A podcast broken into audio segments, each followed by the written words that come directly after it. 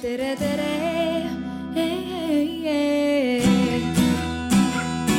Eestimaa.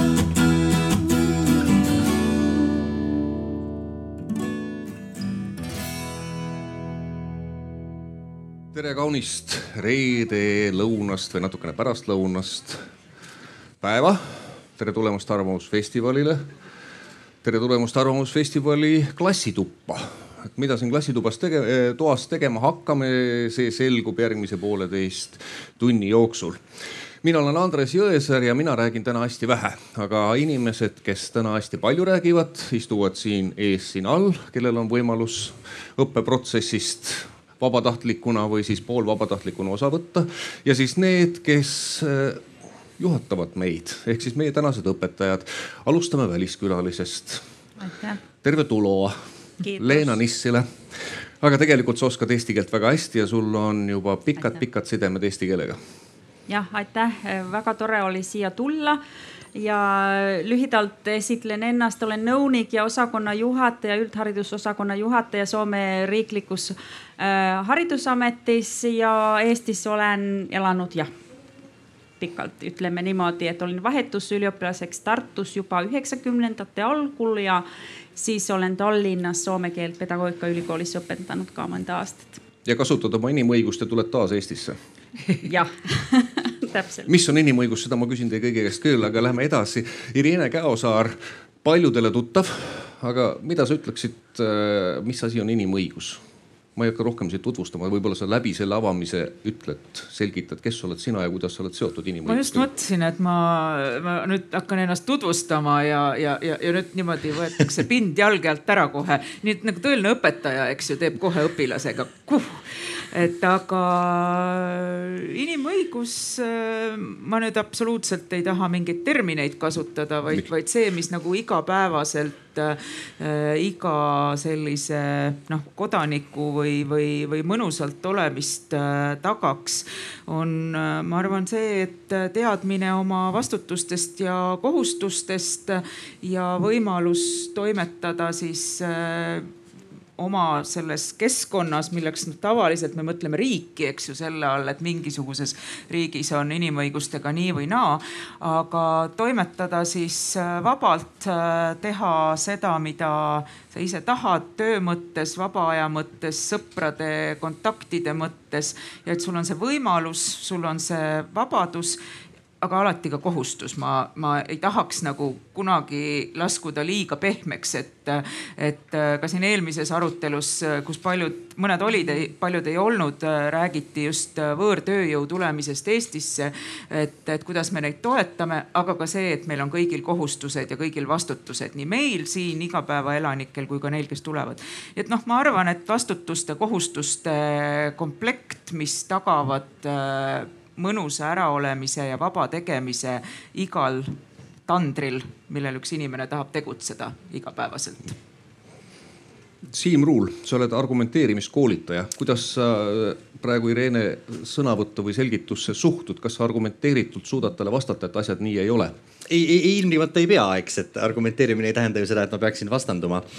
ennekõike ma olen isegi õpetaja, et äh, õpetan ajalugu ja ühiskonnaõpetust ja kui aega üle jääb, siis proovin inimesi, nii õpilasi kui, kui nende vanemaid aidata paremini argumenteerima aga minu küsimusele vastus jäi nagu õpetajale so sobivalt vastu. nii ongi, et äh, tuleb, tuleb ju vastata seda, mida sa vastata tahad, mitte seda, mida küsitakse, nii nagu vana õpilase tarkus ütleb niimoodi, see võib olla poliitilise tarkusena.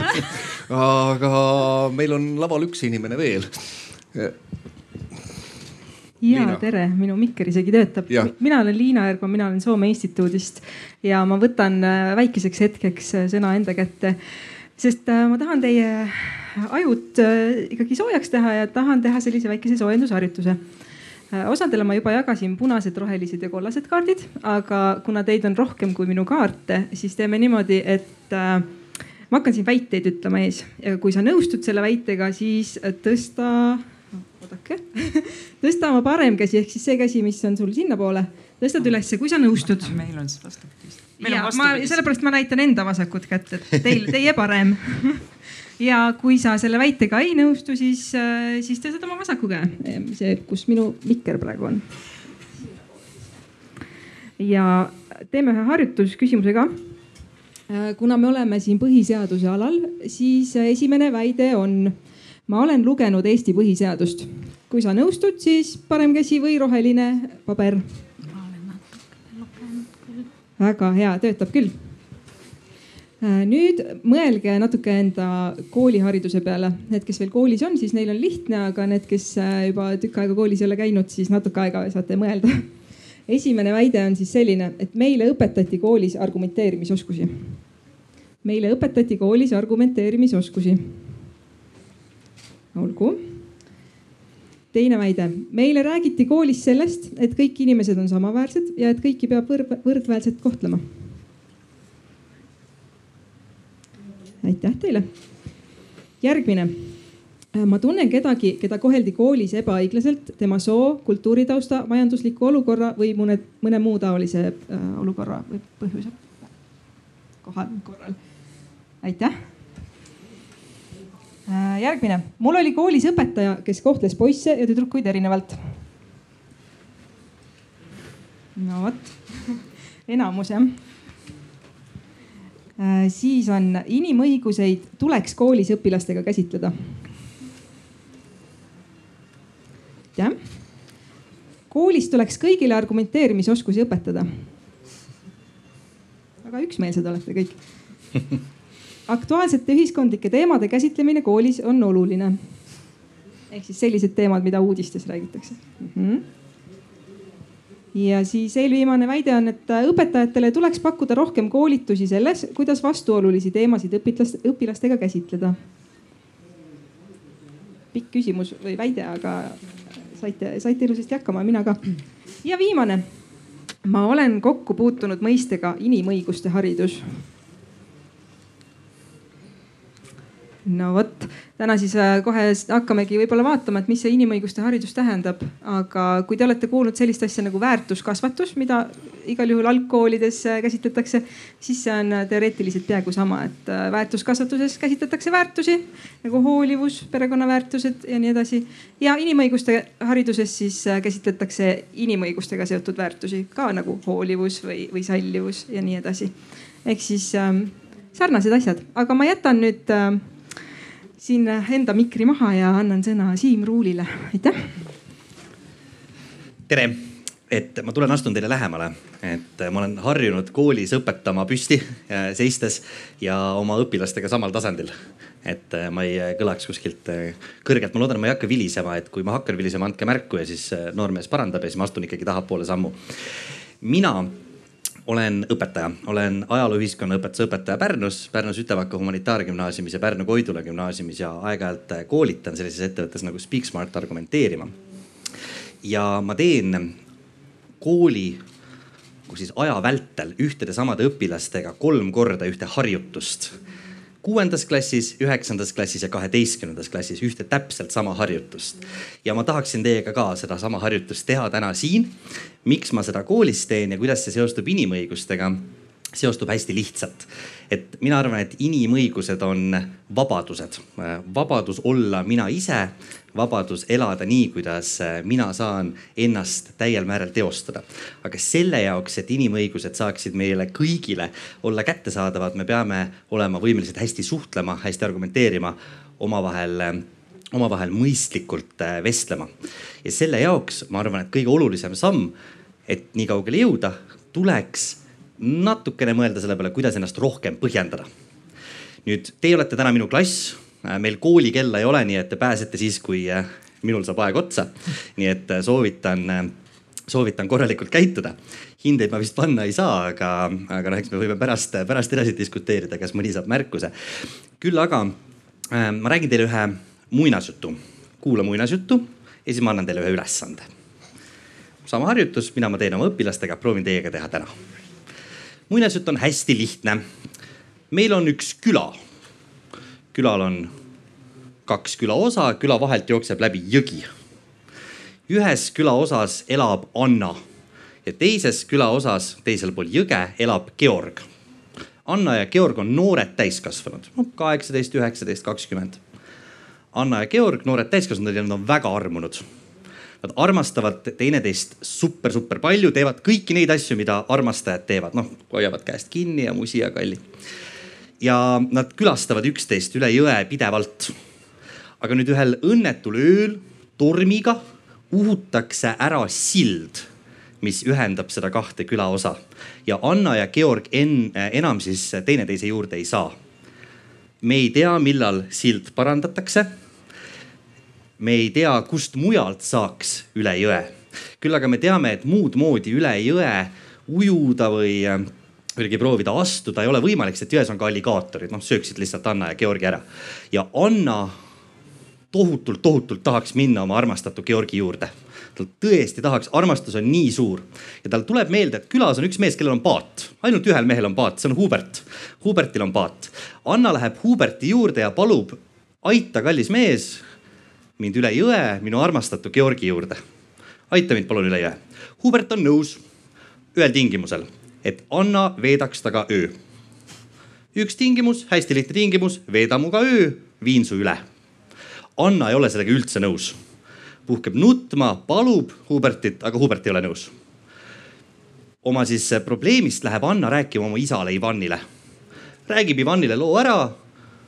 ütleb, et see on elu kõige suurem probleem, ma tahan saada Georgi juurde. Ivan ütleb, tead, liiga palju, tegele ise oma probleemidega ja lükkab Anna ära isa lükkab Anna ära, Annale ei jää muud üle, läheb koju korraks tagasi, nutab natuke ja siis läheb Huberti juurde, veedab Hubertiga öö, sest ta väga-väga-väga tahab saada Georgi juurde. ja Hubert aumehena viib Anna üle.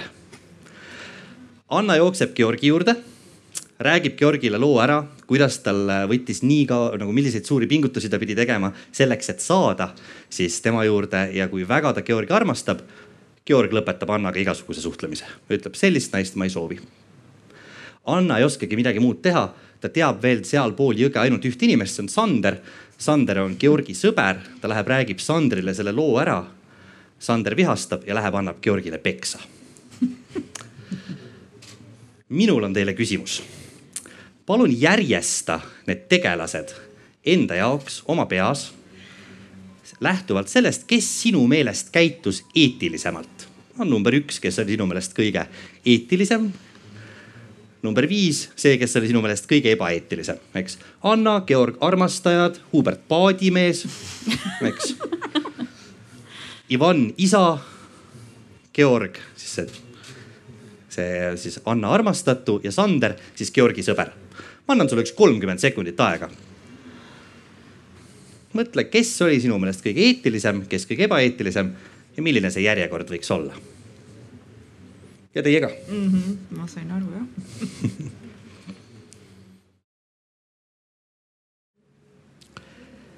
nüüd klassitunnis ma üldiselt tean nimesid, aga tavaliselt kooliaasta alguses, praegu on ka nagu kooliaasta alguse tunne, päris hästi veel nimesid tean, siis ma näitan mõnikord näpuga ja ütlen, et teie seal prillidega või äh, noormees salliga, et ma teen täna sama ja olen natuke provokatiivne, et ärge, ärge ennast halvasti tundke, ma loodan, et ma võin teid sinatada.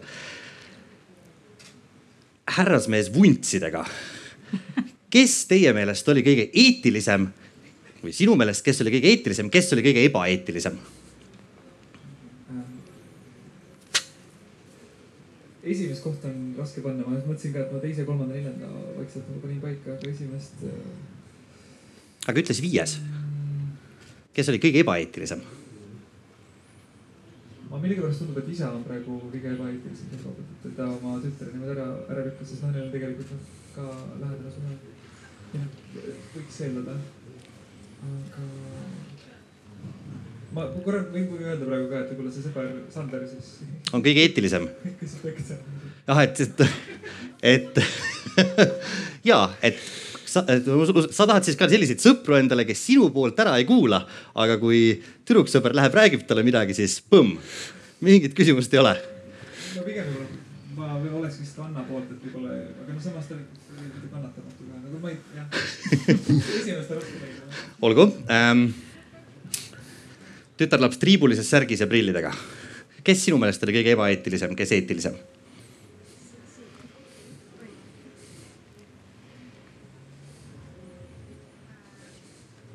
kui sa räägid, jah. ma arvan,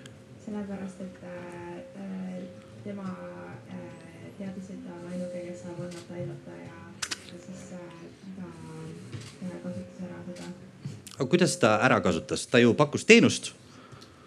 Anna võttis teenuse vastu, ega Selveris ka ju, Selver on ainuke, kes saab mulle süüa anda ja siis ma maksan ja saan raha või saan süüa. aga nad tasuta ei anna mulle asju. et kui ma tühja, tühja kõhuga lähen Selverisse, siis äh, oleks eetiline ikkagi mulle süüa anda. võib-olla olgu ähm,. kes kõige eetilisem oli, üks hetk, üks hetk, Liina ma seda ei suutnud välja mõelda. aga sõbranna? no ma, ma mõtlesin, et kõige eetilisem oli Ivan, tema isa hoopis. aa, väga hea, väga hea. sellepärast, sest eh, kuigi ta oleks võinud Annat toetada ja aidata, siis siiski see oli, ma arvan, mingis mõttes Anna isiklik probleem, nii et ma saan isast ka mingis mõttes aru, et võib-olla tal oli kiire või on ta. et see ongi nagu vanema eetilisuse määr, et lükkad ära lapse, kes on kõige suuremas mures tema. otseselt, aga ma arvan, see oli ikkagi Anna otsus, et ma arvan, et kui ta küsiks isalt, isa ütleks talle, et see on minu arust vale või isa ütleks, et et tee seda, siis ma arvan, et see otseselt ei aitaks Annat edasi Mm ma -hmm. arvan, see on isal on ka õigus öelda, et ta tütar teeks enda otsuseid. et ma arvan, sa ei saa isale panna seda vastu, sest ta peab tütre ära kuulama ja andma talle nõu. sest lõppkokkuvõttes Anna võib hoopis isa süüdistada, et sina ütlesid, et ma teeks seda ja vaata, mis nüüd juhtus. Mm -hmm. väga hea, aitäh äh,. härrasmees Salliga. I have to do it in English. Okay, that's fine um,. Did you hear the story? Yeah. Yeah, cool. Yeah, well, but that there's um, I I was also thinking that uh, most the person who was not ethical at all or was not act, uh, acting ethical at all is was Hubert. I Why think. so? Um, uh, basically because he was he was just using the op- using the chance to to uh, make a high price, and uh, But is, isn't that the way the capitalism works?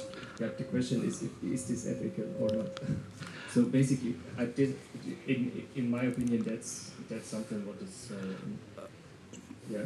Good. Uh, would have he been more ethical if he would denied Anna the chance to get over at all, saying that I'm not going to take you over, I'm not going to use my boat. Would have that made him more ethical?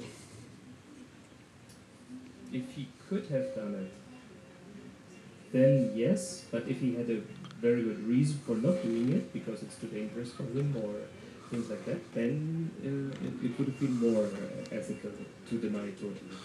But depends on the reason he, he's giving. If without reason, then uh, this would, would have been. So you always have to have a reason to be ethical.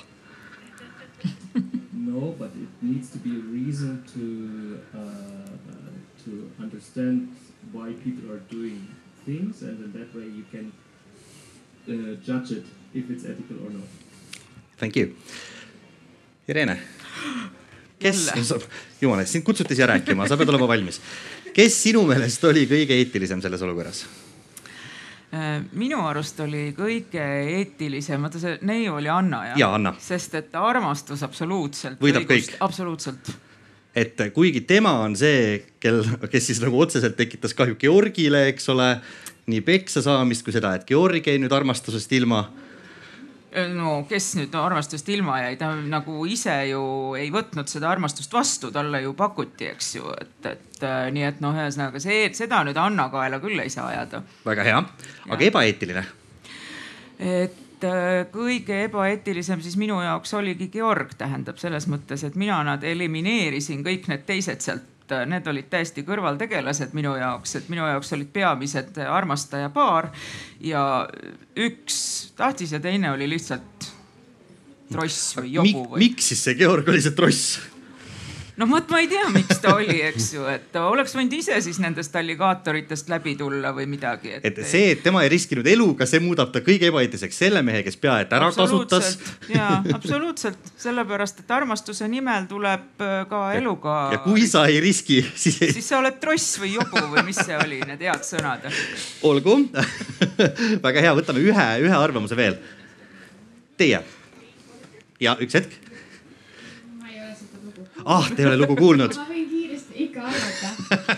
mina arvan sellest eelmisest jutust tule, tuletades, et ähm,, et Anna oli eetiline. aga ebaeetiline. aga äkki, äkki kiiresti selle loo. lugu on lihtne, kaks armastatut ei saa kokku, sest et jõgi läks katki. mees paadiga võiks viia üle, aga ta nõuab, et Anna veedaks temaga öö. lõpuks Anna nõustub, viib üle. Georg, teine armastaja, jätab ta maha. Oi, vot siis ma enam nüüd ei arva, et see oli ikkagi see ebaeetiline, sellepärast et ma arvan, et eh, eriti tänapäeval on õigus eh, öelda, et ma olen sinu jaoks kõik valmis tegema, aga ümber otsustada hiljem, et see ei käi päris nii, et sa eh, võta, ütled jah sõna ja see tähendabki nüüd midagi äh, igavest. et äh, proovima peab, katsetama peab ja Georg lihtsalt oli enda vastu aus, ta oleks võinud Annaga jätkata igavest teed mm. -hmm väga hea, võtame äkki ühe veel siit, äh, siin osad inimesed lähevad juba ära, igaks juhuks ja palun minu meelest kõige normaalsem oli seal Georg mm. -hmm. miks nii? sellepärast, et ütleme, kui oli ka armastus nüüd, aga tüdruk on lõdva püksikummiga, siis ta tegi ilma riieteta sellise ma, naise maha. ma lihtsalt korra küsin, ma lihtsalt korra küsin, miks lõdva püksikummiga? sest kui sa armastad oma inimest ja teine teeb sellise ettepaneku, siis ütleb kindlasti ei. aga ta ju veetis öö, et äh, kas, et kui ma veedan kellegagi öö, et mis see siis tähendab? ikkagi pettus on pettus. minu meelest. olgu, olgu. kõige ebanormaalsem nendest oli minu meelest isa. Isa, ebaeetilisem. jah, ebaeetiline mm. -hmm. minu meelest, kui mulle isiklikult oleks tüdruk, no tütar ja tütar tuleks sellise jutuga, siis mina isiklikult arvan, mina annaks vastu hambaid sellele Ubertile ahah ah,, siis et, et, et ebaeetilisem, aga et siis, aga miks siis sinu jaoks näiteks Sander ei olnud see eetika etalon, kes ju ka läks ja andis vastu hambaid? aga Sander minu meelest ei puutu üldse asjasse selge äh,, aitäh, ma kasutan ühe võimaluse veel ära, et ma olen vaadanud, et siin publiku hulgas võib-olla mõni veel, aga see on üks nagu filosoofia doktor, vaata, mis tema arvab. tere ma, ma petan ja ma vastan äh, mitte, mitte eriti filosoofiliselt. et äh, kõige ebaeetilisem äh, oli siis see sõber Sander, sest et ta rakendas, ütleme siis ebaseaduslikult vägivalda teise inimese kallal ja selles mõttes selline, selline, selline käitumine ei saa olla vastuvõetav. kas sellist rüütellikku suhtumist me siis ei tahagi, et ühiskonnas, et ta seisis selle naise au eest? mine kaeba kuskile komsomoli komiteesse kaeban või, kus ma kaeban nagu? riigi, riigil on õigustatud äh, vägivalla monopol sellepärast, et vältida selliseid olukordi, sest et isegi siis, kui meie kõik siin oleme nõus, et see tappaandmine oli õigustatud, mis siis järgmine kord saab, kui Sander läheb kellelegi tapma andma et me ei taha sellist süsteemi nagu soodustada mm. -hmm. selles mõttes ma arvan, et see on nagu see kõige, kõige. eetikapiir mm. -hmm. ja, ja ma paneks esimeseks paneks tõenäoliselt Anna ma ei suutnud välja mõelda ühtegi asja, mida tema valesti tegi. no näiteks äh, pettis. no ta ei petnud, ta ju rääkis ära, see ei ole petmine. ässitas Sandri ei, kallale. aga kas ässitas, mina sain lugu, loost aru, et ta rääkis, ta kurtis ja Sander otsustas selle loo põhjal ise et ma ei usu, et seda saab siin. et Sandri, äh, Sandril oli vaba valik. ja Sandril oli vaba valik reageerida jah, et selles mõttes, et nagu ja pealegi me ei tea, milline on Hanna ja Georgi vaheline arusaamine ja kokkulepe kaasajal on inimestel igasuguseid. Äh, me saime aru, et öö veetmine ei ole kokkuleppe osa, et no,. näib nii, näib nii jah, aga võis olla ka nii, et oli kokkulepe, aga siis, kui see olukord realiseerus, siis Georg otsustas, et ma ei suuda seda välja kannatada. näiteks mm, -hmm. et äh, või teistpidi muidugi võib ka öelda niimoodi, et see, et mina ütlen, et Anna oli kõige eetilisem, ei tähenda, et ta oli ka absoluutskaalal mhm. eetiline mm -hmm., sest võrreldes teistega mm -hmm. parem, paremini käitunud. aitäh, siin oli üks kommentaar veel ja siis äh siis äh, proovime vaadata, et mis, mis mu point on. tahtsin lihtsalt seda eelnevat kommenteerida, et äh, mis härra ütles, et äh, justkui, et Anna ei öelnud, et mine anna peksa, et see kogu idee, et tegelikult ähm, justkui naise tegevus on tihtipeale rohkem õigustatud kui meeste tegevus sellistes olukordades ja, ja sellepärast. miks nii? ei, sest et nad on nagu sotsiaalselt lihtsalt nagu õrnemad, meist oodatakse võib-olla. et kas kahekümne esimese sajandi naine ütleb mulle praegu, et naine on nõrgem? ei, inimene ei ole nõrgem sotsiaalselt õrnem.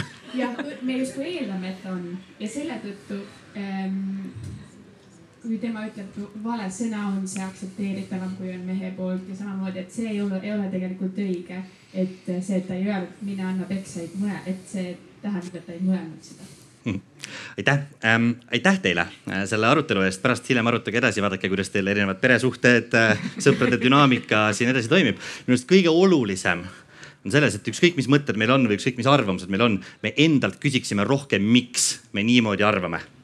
mida rohkem me endalt seda miks'i küsime, seda lähemale me jõuame argu argumenteeritud arutelule ja sellepärast mulle meeldib ka õpilastega seda harjutust teha, sellepärast et see avab hästi lihtsaid äh, sotsiaalseid probleeme.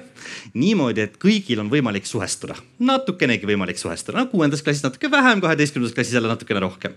et on, on neid kogemusi olnud ja mida rohkem sa nüüd küsid endalt, miks, seda lihtsam on ka teisel inimesel sind mõista ja seda lihtsam on ka teisel inimesel jõuda sellele samale mõttele, mis sinu peas on olemas olnud. sest noh, paratamatult on nii, et kui minu peas on mõte, siis selleks hetkeks, kui see sinu pähe jõuab, see on juba mitu korda muutunud. ja mida rohkem ma küsin, miks'i, seda rohkem mul on teistel võimalik minust aru saada. selline oli minu väike pop-up tund. Äh, nüüd ma saan aru, et Leena ja Irene tulevad, teevad teile väikse rollimängu, aga mulle öeldi, et te peate juba arvestama, et nad on juba rollis, et nad ei ole ise Nad, no, nad on nagu ise, aga mitte ise. igal juhul aitäh teile.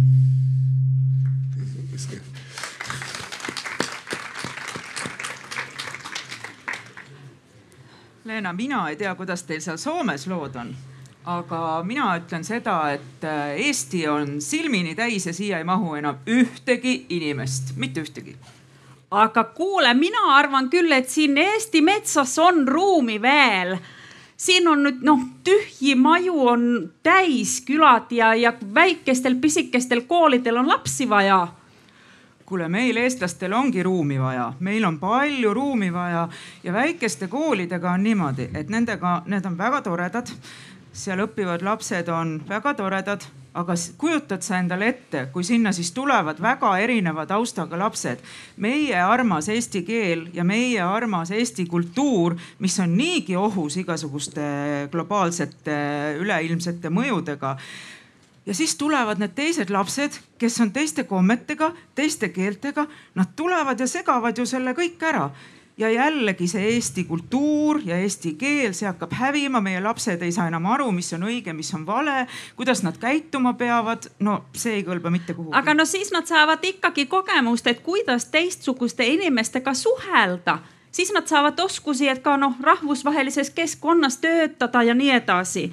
ja noh Eesti noored tahavad ju ka välismaale minna, kui siia keegi tulla ei tohi, miks nemad peavad välismaale saama? Nad ei peagi Nad lihtsalt, ei, ei, ei, nad ei peagi selles mõttes, et nad peavadki Eestisse jääma, sellepärast et Eestis on ainult üks koma kolm miljonit elanikku. me peame väärtustama iga inimest, absoluutselt iga inimest, kes siin elab, eestlast, eks ju, mitte noh, ühesõnaga saad aru küll. et äh, ja, ja, ja me saame siin väga hästi hakkama. meil on ju Skype'i oleme siin teinud ilusti mändide vahel ja kõik, et me oleme ilusti hakkama saanud, ei ole vaja välismaale minna, ei ole vaja seal igasuguseid imelikke kombeid külge saada saada. Eestis on kõik olemas, kõrgharidus, teadus, tehnoloogia, me oleme IT-riik. jumala pärast polegi vaja väljapoole minna no kuule, Eesti on nüüd nii väike, ega ta ei saa ju üksinda hakkama. ettevõtted vajavad kliente. kui sa Raekoja platsil Tallinnas lähed, siis erinevate restoranide esindajad sulle mingid menüüd pihku pistavad kogu aeg. Nad tahavad ju meid sinna, eks ole, klientideks seal ei saa ju jalutadagi, et keegi tuleb sinu järel. Eh, Eesti jääb ju majanduslikult väga pisikeseks ja, ja, ja suletuks ja, ja majandus kärbub no okei okay,, selle õlle seal Raekoja platsis võib ju võtta, eks ju, see ei ole probleem, aga tulla siia ja näiteks tulla meie tööturule ja tahta nagu töökohti meilt, eks ju, võtta. meil on niigi viis protsenti elanikkonnast töötud jumala pärast, me peame nendele leidma need töökohad, me peame tagama, et nemad saaksid eelkõige tööd teha. aga mitte... kui palju neid töötuid siis oleks, kui neid välismaa kliente siin ei oleks? no võib-olla kuus protsenti või nii no,. jah, ma arvan veel rohkem. nojah, et võib-olla siis natukene võiks selle kiriku sinna küla keskele poole ehitama ja. pisut nagu hakata.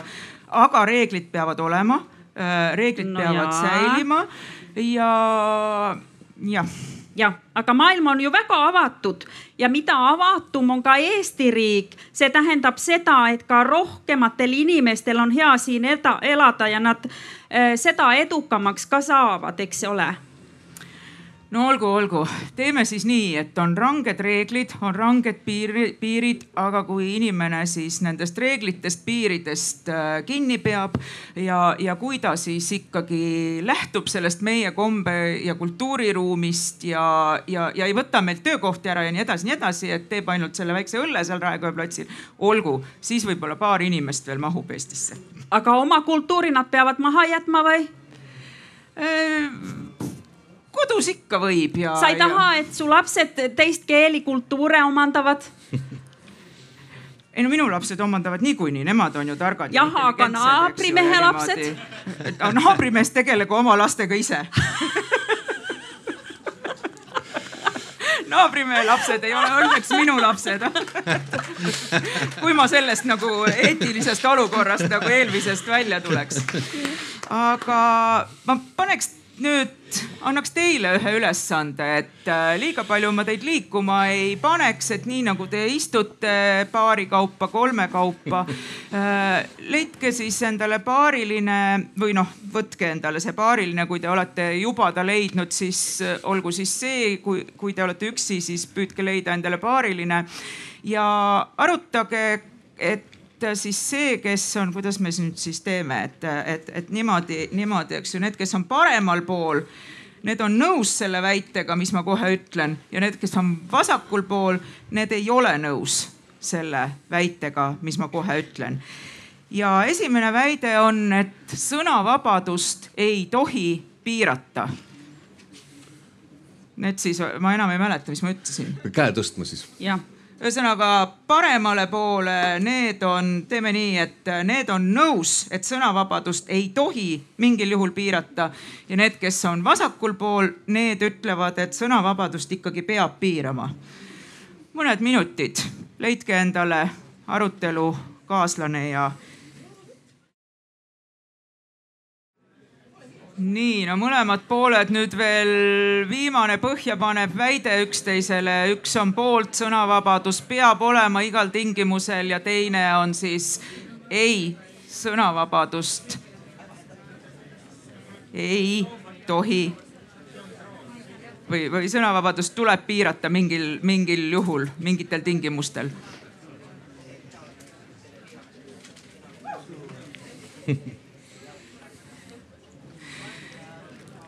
nii ja üks ülesanne siis veel, et äh, kuna me siin niimoodi oma esimeses arutelus natuke rahvuslikuks juba läksime, siis äh, nüüd siin Eestis, kuidas teil seal Soomes on, seda mina ei tea, aga kuidas meil Eestis on, et äh, jällegi siis teeme siis nüüd nii, et need, kes on vasakul pool Need ütlevad, et eesti kultuuri ja keelt peab kaitsma iga hinna eest, igas olukorras ja need, kes on siis siin paremal pool, need ütlevad, et, et noh, et mõnikord ikkagi on kuidagi teistmoodi. et kas Eesti kultuuri peab kaitsma keelt ja kultuuri iga hinna eest nui neljaks.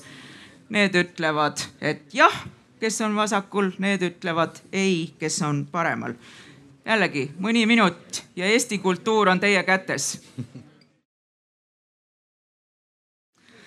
no nii, et sellest Eesti kultuurist nüüd natukenegi midagi alles jääks. Äh, ma tõmban kokku ja kas keegi tahaks äh, kommenteerida, et äh, nüüd just, et kui te sattusite täiesti vastupidist seisukohta enda isiklikule arvamusele esitama, et kas oli keeruline, kas ei olnud, et kas keegi jagaks oma kogemust, kuidas oli siis esialgu see, et esitada seda arvamust, mis tegelikult ei kuulu nagu üldse sulle. Annele. ütle. jube. nii aga sa said hakkama? ma sain hakkama selleks, et ma mõtlesin kõiki neid argumente, mis, mida mina ise olen kuulnud ja lihtsalt hakkasin neid äh, nagu pajatama mm. -hmm. aga, aga see raskus on see, et ma ei, ma ei kõlanud nagu tõsiseltvõetavalt, et keegi, oleks mingi selle valepaljasti vale detektor, nii ma oleks kohe vahele jäänud mm. -hmm, mm -hmm. aga siis paariline võib-olla, et äh, kas te mõlemal korral äh, pidite jagama või ütlema seda seisukohta, mida te tegelikult ka arvasite või ei, ei, teil oli vastupidi, kuidas teil tundus? no mulle tundus, et see ei olnud keeruline, sellepärast et me oleme kõiki neid argumente nii palju kuulnud mm, -hmm. et tegelikult noh, üsna lihtne oli mõlemat mm -hmm. sisse mm, -hmm. sellepärast et need on sellised maailmavaatelised küsimused, ei olegi nii-öelda ka selle, et ilmselt kohe ei saa maailmavaadet mulle tundus mm. -hmm aga kas keegi tundis ka seda kogemust, et kui talle nüüd siis nagu seda väidet esitati, mis, mis ei olnud tema väide, aga tema sai ise esitada seda õiget väidet, kas oli nagu end, enda õiget selles mõttes, et õiged valed, aga, aga see, mis enda väärtustega kokku käib. et kas oli nagu lihtsam kuidagi argumenteerida, mõelda, kui sulle see nii-öelda vastuväide, kui sa pead reageerima millelegi, mitte lihtsalt nagu mõtisklema, kas oli selliseid kogemusi? või kellelgi sihuke positiivne kogemus just, et kui te saite öelda seda, mida te tegelikult ka arvate?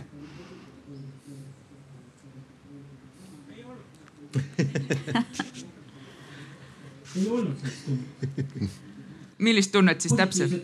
ei olnud positiivset? ma ei ole selle koha pealt kunagi ka puudust tundnud. tahan esitada oma arvamuse. okei. teised vaidlevad vastu. Olenemata sellest siis, kas vaieldakse või mitte? no nii hull ma ka ei ole, et igaühega kipun vaidlema. aga kui vaieldakse, siis meeldi. okei okay., et vahel nagu tahaks, eks ju, ässita ei ole, aga verd tahaks näha. selge, selge, aga aitäh teile ja Andres, annan sulle edasi sõna. jah, aitäh. Ma oleks väga tänulik, kui keegi tõstaks käe ja ütleks, et tõepoolest see oli see hetk, mis muutis minu maailmapilti ja, ja nüüd ma mõtlen hoopis teisiti. ei ole käte merd, ei ole käte merd, ai on. kus mikrofon on, kas saaks? Ja, siin esimeses ette. reas. härrasmees ütles, et tema nägi nüüd valgust ja mõtleb teisiti Raivo Juurak õpetab meid. Minul tuli uus mõte, ma mõtlesin, et mõlemal küsimus nagu plõksu. et kas sõnavabadust peab või ei pea piirama, see on ju põhiseaduses on öeldud, et millal, millest ei tohi rääkida ja millest tohib rääkida, eks ole. aga küsimus on niisugune, et ma ei saa põhiseadusesse üldse viidata. siis jääb mulje, et, ka, et kui sa ei tohi kedagi laimata, et kui sa kedagi laimad, siis on sõnavabadus. põhiseadus ütleb, see ei ole sõnavabadus enam ja teine küsimus oli ka lõks, et kas peab kaitsma iga hinna eest eesti kultuuri ja keelt. tegelikult keel ja kultuuri muutuvad ja õige küsimus oleks. Need ongi tehtud. õige küsimus oleks, et kas tuleb toetada iga ennast, iga hinna eest eesti keele ja kultuuri arengut. ja see areng on tihti ka muutumine. sellele küsimusele ma juba oskan vastata aga kas peaks iga hinna eest kaitsma keelt ja kultuuri, ma ei oska. aitäh, jah hea kommentaar, aga nüüd meil ongi edasiminekuks, tegelikult mul oleks ka paar küsimust ikkagi siiapoole. üks asi on see sõnavabaduse ultimatiivsus ja enne lõunat kuulasin debatti, kus räägiti siis infovabadusest ja siis tuli mõte sellele, et kas tegevusvabaduse ja sõnavabaduse piiridel on vahet et kas mu sõnaga, kas ma tohin teha rohkem, kui ma füüsiliselt tohin teha, et Siim on tugev, teda ma ei julge togida, aga, aga kui ma sõnaga sind tüksan või rusikaga nagu, kuidas see kangelane oli, kes äh, sinu loos hakkas õigust. jah, Sander, eks, et, et, et kas nendel tegevustel on vahet? ma arvan, et on ähm ma arvan, et, et haiget ei tohiks teha kummalgi juhul. aga siis ei ole vahet ju? ma arvan, et vahe on selles, et kuidas äh, Äh, kuidas me näeme selle tegevuse tagajärgi, et äh, kas me näeme sõna tagajärgi samasugusena, nagu me näeme nagu füüsilise tegevuse tagajärgi. et ähm, võib-olla see nagu mõte hästi lihtsaks võtta, et, et, et füüsilist, füüsilist rünnakut kasvõi on äh, palju lihtsam objektiivselt tõlgendada äh,. nagunii siit üks noormees, kes nüüdseks ära kadus äh,, ütles siis, me oleme seadustesse kirja pannud selle et sa togida ei või. samal ajal, mis on laimu ja mis on sõnavabaduse piir, seda meil on palju raskem seadusesse kirja panna ja sellepärast ma arvan, et, et sealt võib-olla see piir jookseb. tõsi, pean sinuga nõustuma, et kui tagajärg on sama, siis ei ole neil vahet aga küsimus, ma arvan, et on selles defineerimises, et kummani sul lihtsam on jõuda, et kumb, kummas, kumba sul on lihtsam nagu mõista, et kas on tehtud haiget või ei ole. ma arvan, et kummalgi juhul haiget teha ei tohiks provotseerivalt küsin, et öeldakse ju, et sõna võib rohkem haiget teha kui rusikas ja on ju, mida me näeme ka küberkiusamise ja selliste tulemustena, mis on viinud ka enesetappudeni noori inimesi, eks. kindlasti võib ja, ja ma olen sellega nõus, et äh, haiget võib teha erinevatel viisidel koolis ka, eks ole, lapsed on, on tihti julmad, mitte sellepärast, et nad tahaksid olla, vaid sellepärast, et nad ei oska targemini. Äh, ja ma arvan, et sel, selles mõttes on sul kindlasti õigus, et, et haiget teha ei tohi ja sõnaga võib teha haiget, aga ma arvan, et lihtsalt seda piiri on raskem defineerida, seda piiri on raskem paika panna, seda piiri on ka raskem kõrvalt hinnata, et õpetajana näiteks aru saada, et, et mis siis on kius ja mis ei ole, et mis on tögamine mis on, mis on selline normaalne sotsiaalne suhtlus mingite vanusegruppide vahel, et, et ja üldse mitte õigustades koolikiusamisega tuleb kõvasti tegeleda, aga lihtsalt noh, raske on näha kus see on, et seda füüsilist kontakti on lihtsam defineerida, ma arvan, et see on. siin see... on raske provotseerida, aga ma siiski üritan. võtame nüüd, eh, kuidas sa seletad eh, oma tunnis Aivar Mäe juhtumit? See on nüüd hea küsimus, ma ei ole veel seletama asunud. ära nüüd ütle, et ma esitan halbu küsimusi, et see on minu, minu inimõiguste rikkumine on see. Äh, mina, mina tavaliselt seletangi seda samasuguse mängu läbi, nagu me siin äh, täna tegime. Äh, ma püstitan, on õige, sa ei öelnud, mis on õige, meie kõik ja siin praegusel hetkel. ma arvan, et õigeid valesid vastuseid ei olegi. selles mängus, mida mina teile näitasin, ei ole õigeid valesid vastuseid. küsimus on selles, et need inimesed argumenteeriksid. mina arvan, et kõige olulisem osa sellest, et kui me tahame lõpuks jõuda inimõiguste sihuke mõistliku suhtlemiseni, nii et me austame teiste inimeste seisukohta, siis see algab kahest asjast. Algab algab sellest, et äh, ma aktsepteerin, et on teine arvamus et on olemas mündil kaks külge ja alati on mündil kaks külge. see ei tähenda, et teise poole argumendid peavad mulle meeldima või et need on kõige tugevamad, aga et alati on olemas ka mingisugused teised vaatepunktid. ja teine osa, ma arvan, ühe sihukese mõistliku argumenteeritud diskussioonini, mis aitab meil olla kõik paremad äh, selles ühiskonnas ja paremini läbi saada, on see, et ma kuulan teist inimest ja kui nüüd sinu provokatsioonile vastata, siis äh, ma arvan, et sedasama Aivar Mäe kaasust või küsimust või probleemi ahistamisest või joviaalsest käitumisest, kuidas tahate. et seda saab, äh, seda, seda ma tunnis käsitlengi nii, et ma püstitan selle probleemi ja küsin, mida õpilased arvavad. ja kui mina neid kuulan ja palun neil mõtlema hakata, siis on lootust, et ka nemad rohkem kuulavad teineteist, üksteist ja mõtlevad ise rohkem kaasa. Et, et näevad nagu mündi mõlemaid külgi ja lõpuks teevad otsuse ise aga mis on tihti diskussioonide probleem, on selles, et teise pool, teist poolt ei kuulata ja ei olda valmis kuulama neid teisi argumente, ei olda valmis nägema mündi teist külge. et mulle tundub see nagu see probleemi tuum ka selles mäe, mäe olukorras siit edasi, ma ei tea, ma, ma lisan siia natuke vürtsi juurde sellele küsimusele, et me praegusel hetkel meediaväljal näeme väga palju, et sellised klikimagnetid ja need on üles ehitatud just konfliktile, väga polariseeritud arvamustele. ja, ja siis, kui vaadata neid kommentaariume, siis alguses võib-olla on nad isegi natukene mõnes osas ühte meelt, aga mida, mida kauem nad nii-öelda argumenteerivad, seda kaugemale nad teineteisest tegelikult lähevad. et kõik see, millest Siim rääkis, et peaks teist kuulama, aru saama ja nõustuma, ei juhtu elus. Jah, eh, ma tahtsin selle juurde veel lisada, mis oli, et kas nagu vägivalda või, või sõnaga teist haavata, et võib-olla ei ole vaja neid kumbagi ja siiski oma käitumisega näiteks. ei, see on kõik idealistlik, aga. solvad, solvad teist, ma, ma elust enesest üks näide, mul on Rooma taustaga töökaaslane ja ta ütleb seda, et kui ta läheb poodi, et siis äh, seal see vahimees või mis ta on, et ta tuleb kohe tema juurde, käib tema järel seal poes ja vaatab, et kuidas ta seal käitub ja nii edasi. et, et tähendab, see on ja ka ju väga solvav ja haavav, et sel, selles suhtes mm -hmm. nagu ei ole vaja sõna ega, ega vägivalda ega midagi äh,. aga selle juurde, et äh, jah, see on meie võib-olla selle vestlusõhkkonna äh, Äh, hea, äh, halb külg, et, et me väga tihti oleme kas poolt või vastu. aga selline konstruktiivne suhtlemine äh, nõuab seda, et, et me saame nagu aru, et, et kuigi on teistsugune arvamus, et sellel on õigus äh, ja, ja et, et ta võib selle iseenesena siin ühiskonnas olla et sõltumata sellest, mis, missugune arvamus, kui, kuidas ta üldse ennast välja näeb. Aga see, et kuidas kooli äh, juures äh, selliseid asju nagu käsitleda, et, et põhiteadmisi ja selliseid on, on küll vaja, aga see ei ole see komme, mis kõige äh, paremini toim-, läheb hästi sellepärast, et, et võib-olla neid näiteid on vaja rohkem saada elust enesest et, et lihtsalt kas kirjanduse või filmide või kunsti läbi eh, ennast sättida nagu selle teise inimese eh, koha peale, et kuidas tema tunneb seda või siis eh, lihtsalt rääkida inimestega ja, ja ka see, et sa ise oled selles samas sama koha peal kuskil välismaal, see aitab ka natukene seda tunnetada millegipärast jälgivad meid algoritmid ja minule tuleb aeg-ajalt ette reklaam, mis pakub mulle T-särki, mis ütleb niimoodi, et ma ei vaidle, ma lihtsalt ütlen, miks mul on õigus et äh, Irene, teil on ju selliseid polariseeritud olukordi väga-väga palju. et kuidas me teame, et nad eksisteerivad, me mõistame ja me näeme ka ideaal, ideaalses ühiskonnas, kuidas võiks ühiskond toimida, aga mida te teete reaalses elus, et kuidas te nendega hakkama saate?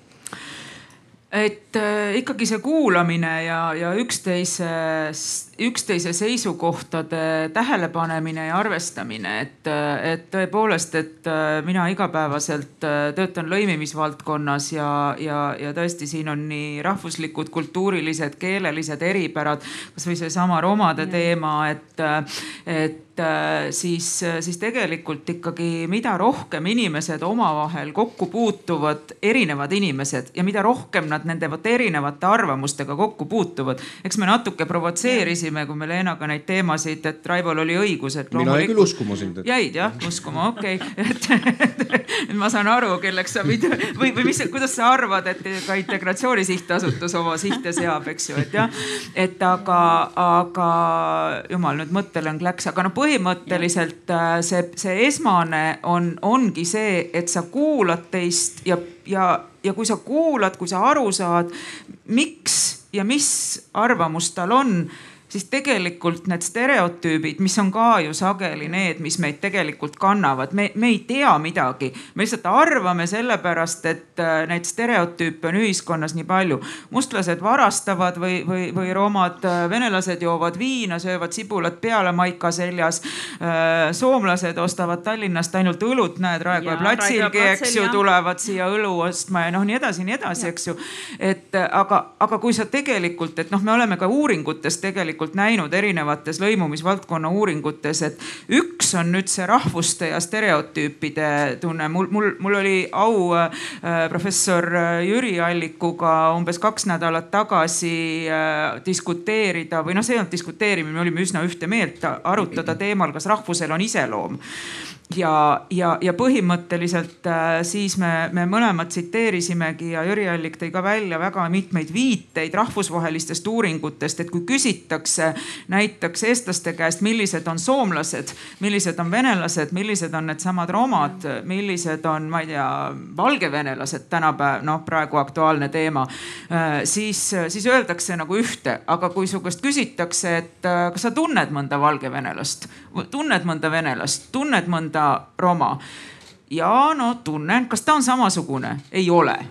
ja, ja noh, enamasti ongi see, et kui küsida üksikinimese kohta, siis, siis, siis need stereotüübid ja üksikinimesed, need ei lähe kokku aga kui ta siis läheb, kui, kui, kui tal on see üks kokkupuude, siis võib-olla see veel ei mõjuta, aga kui ta juba kolmas kord puutub roma taustaga inimesega kokku või vene taustaga inimesega, siis ta hakkab juba mõtlema oot-oot-oot-oot-oot-oot, äkki see, mis ma enne mõtlesin, äkki see päris ikka ja. nii ei ole, et, et kui minu naabrimees ei joo viina ja, ja sibulat peale ei hammusta sellele ja, ja kui mul töökaaslane ka seda ei tee ja, ja, ja kui siin Arvamusfestivalil ma nägin ka päris mitut venelast, kes, kes täitsa normaalselt siin käituvad, et äkki nad ongi normaalsed inimesed tegelikult. ja sellised hoiakud ja arvamused, need sünnivad väga varakult, et tegelikult uurimuste järgi umbes üheteistkümne aastaselt juba hakkavad tulema, et sellepärast sellised harjutused koolieas on juba väga tähtsad. ja, ja ma mõtlengi just, et, et, et ilmtingimata ei maksa karta ka koolis sellist polariseerimist ja samamoodi need rollimängud või see mäng, mis mina teiega tegin, et,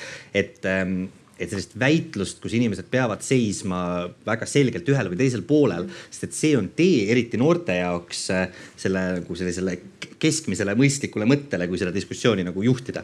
et, et selline polariseeritus aitab võib-olla välja tuua need kõige kontrastsemad ideed ja siis saab hakata juba arutama ja rääkima sellest, et, et kas tegelikult on ka nii et, et, et mulle vähemalt tundub, et niimoodi õpilastega, mida nooremad nad on, seda lihtsam on sellise nagu väga kontrastse rollimängu, väga selgete seisukohtade, väga väga isegi noh, ütleme lihtsakoeliste ja, ideedega asuda siis murdma seda müüti, sest äh, paratamatult noh, need stereotüübid on välja kujunenud.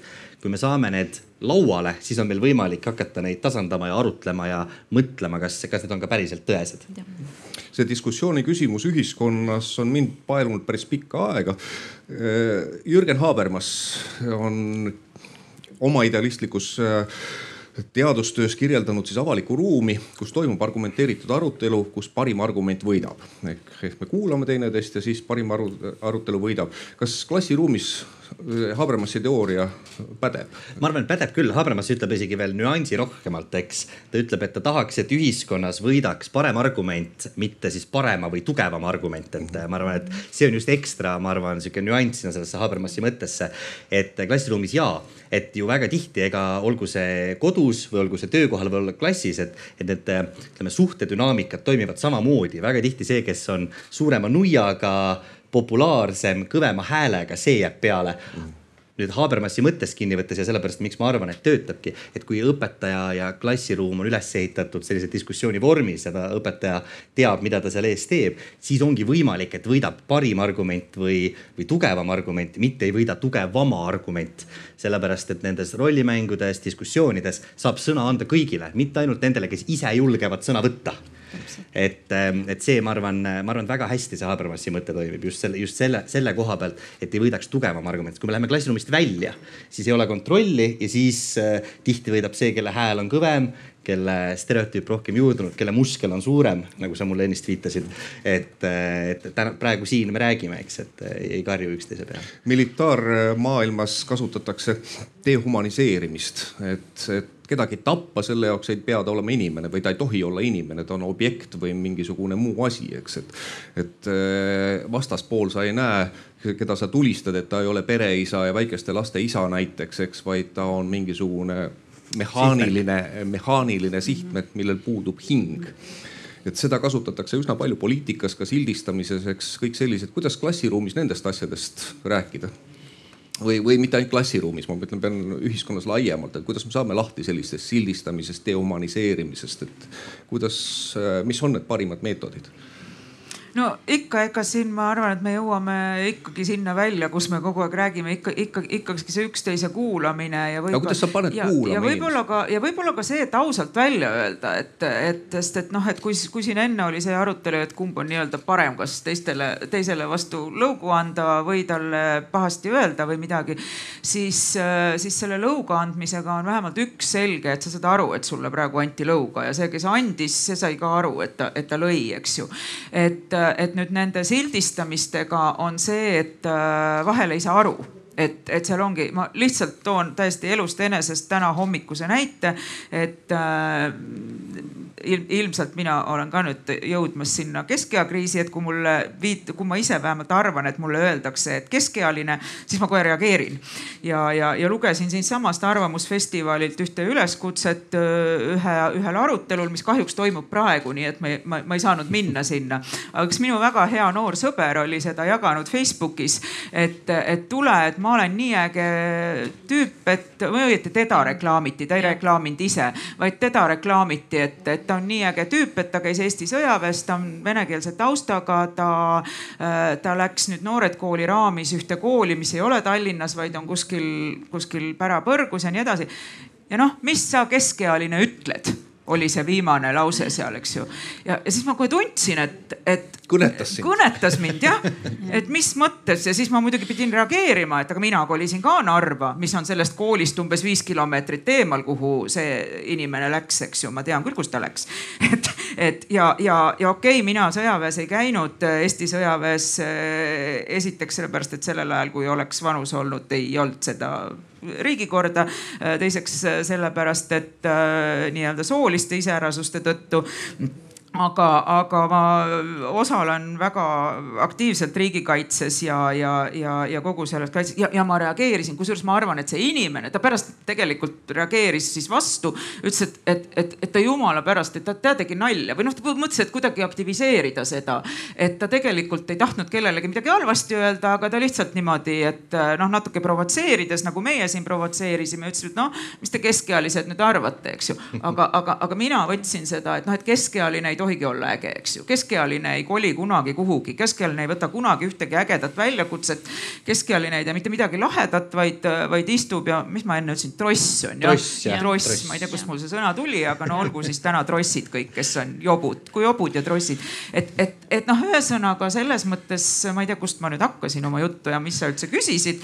aga põhimõtteliselt on see nagu Kuulamine. niimoodi, et, et, et noh, et, et äh, aa, ma tean, et ikkagi, ikkagi rääkida, kuulata ja ka ise olla niivõrd aus et siis anda seda tagasisidet, et, et tead sõber, noh ära mind nimeta keskealiseks, palun vaid, vaid ütle, et ma olen äge tüüp, vaatamata sellele, et äh, mul hakkas kuues kümme jooksma, eks ju, et noh, et no no ja ma, ma ei tahaks meie sellist solvumus, solvumiskultuurist väga palju rääkida.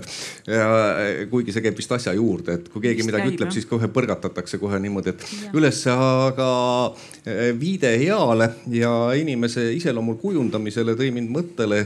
mäletan eh, oma keskkooli ajast, kui mulle selgitati inimese arengut, kuidas on eh, abielu peal, et noored, need tormavad kokku ei ole miski ei häiri teises, ainult õnn ja rõõm.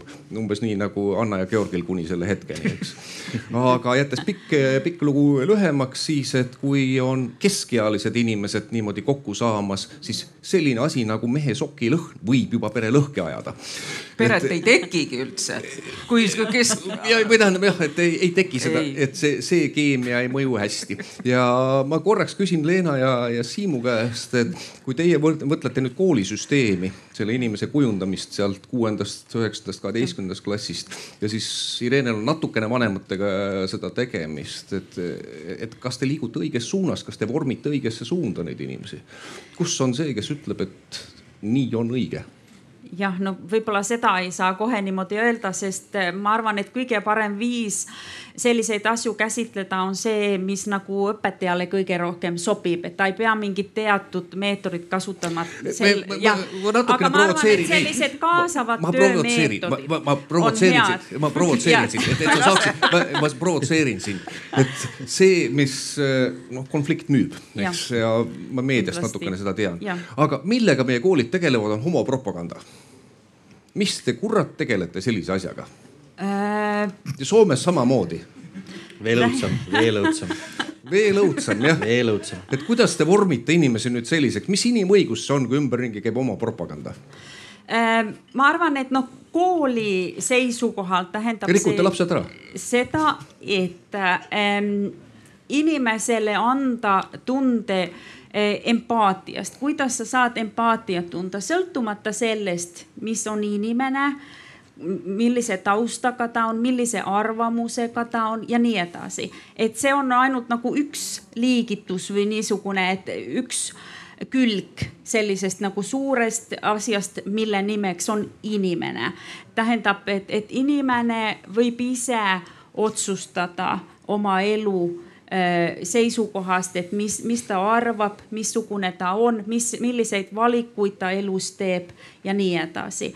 ja, ja koolis ja ütleme, noored inimesed, nemad, nendel on mitmesug-, mitmekülgne identiteet võib-olla kodus on tal teistsugune identiteet kui koolis, aga koolil on vaja anda nendele identiteedi erinevatel külgedele nagu ruumi, et nad võivad seal olla omaette ja, ja, ja selles suhtes see, et õppida seda empaatiat, et suhelda ja suhtuda teistesse nagu inimlikult, sellised kaasavad töömeetodid on head nagu rasketel teemadel.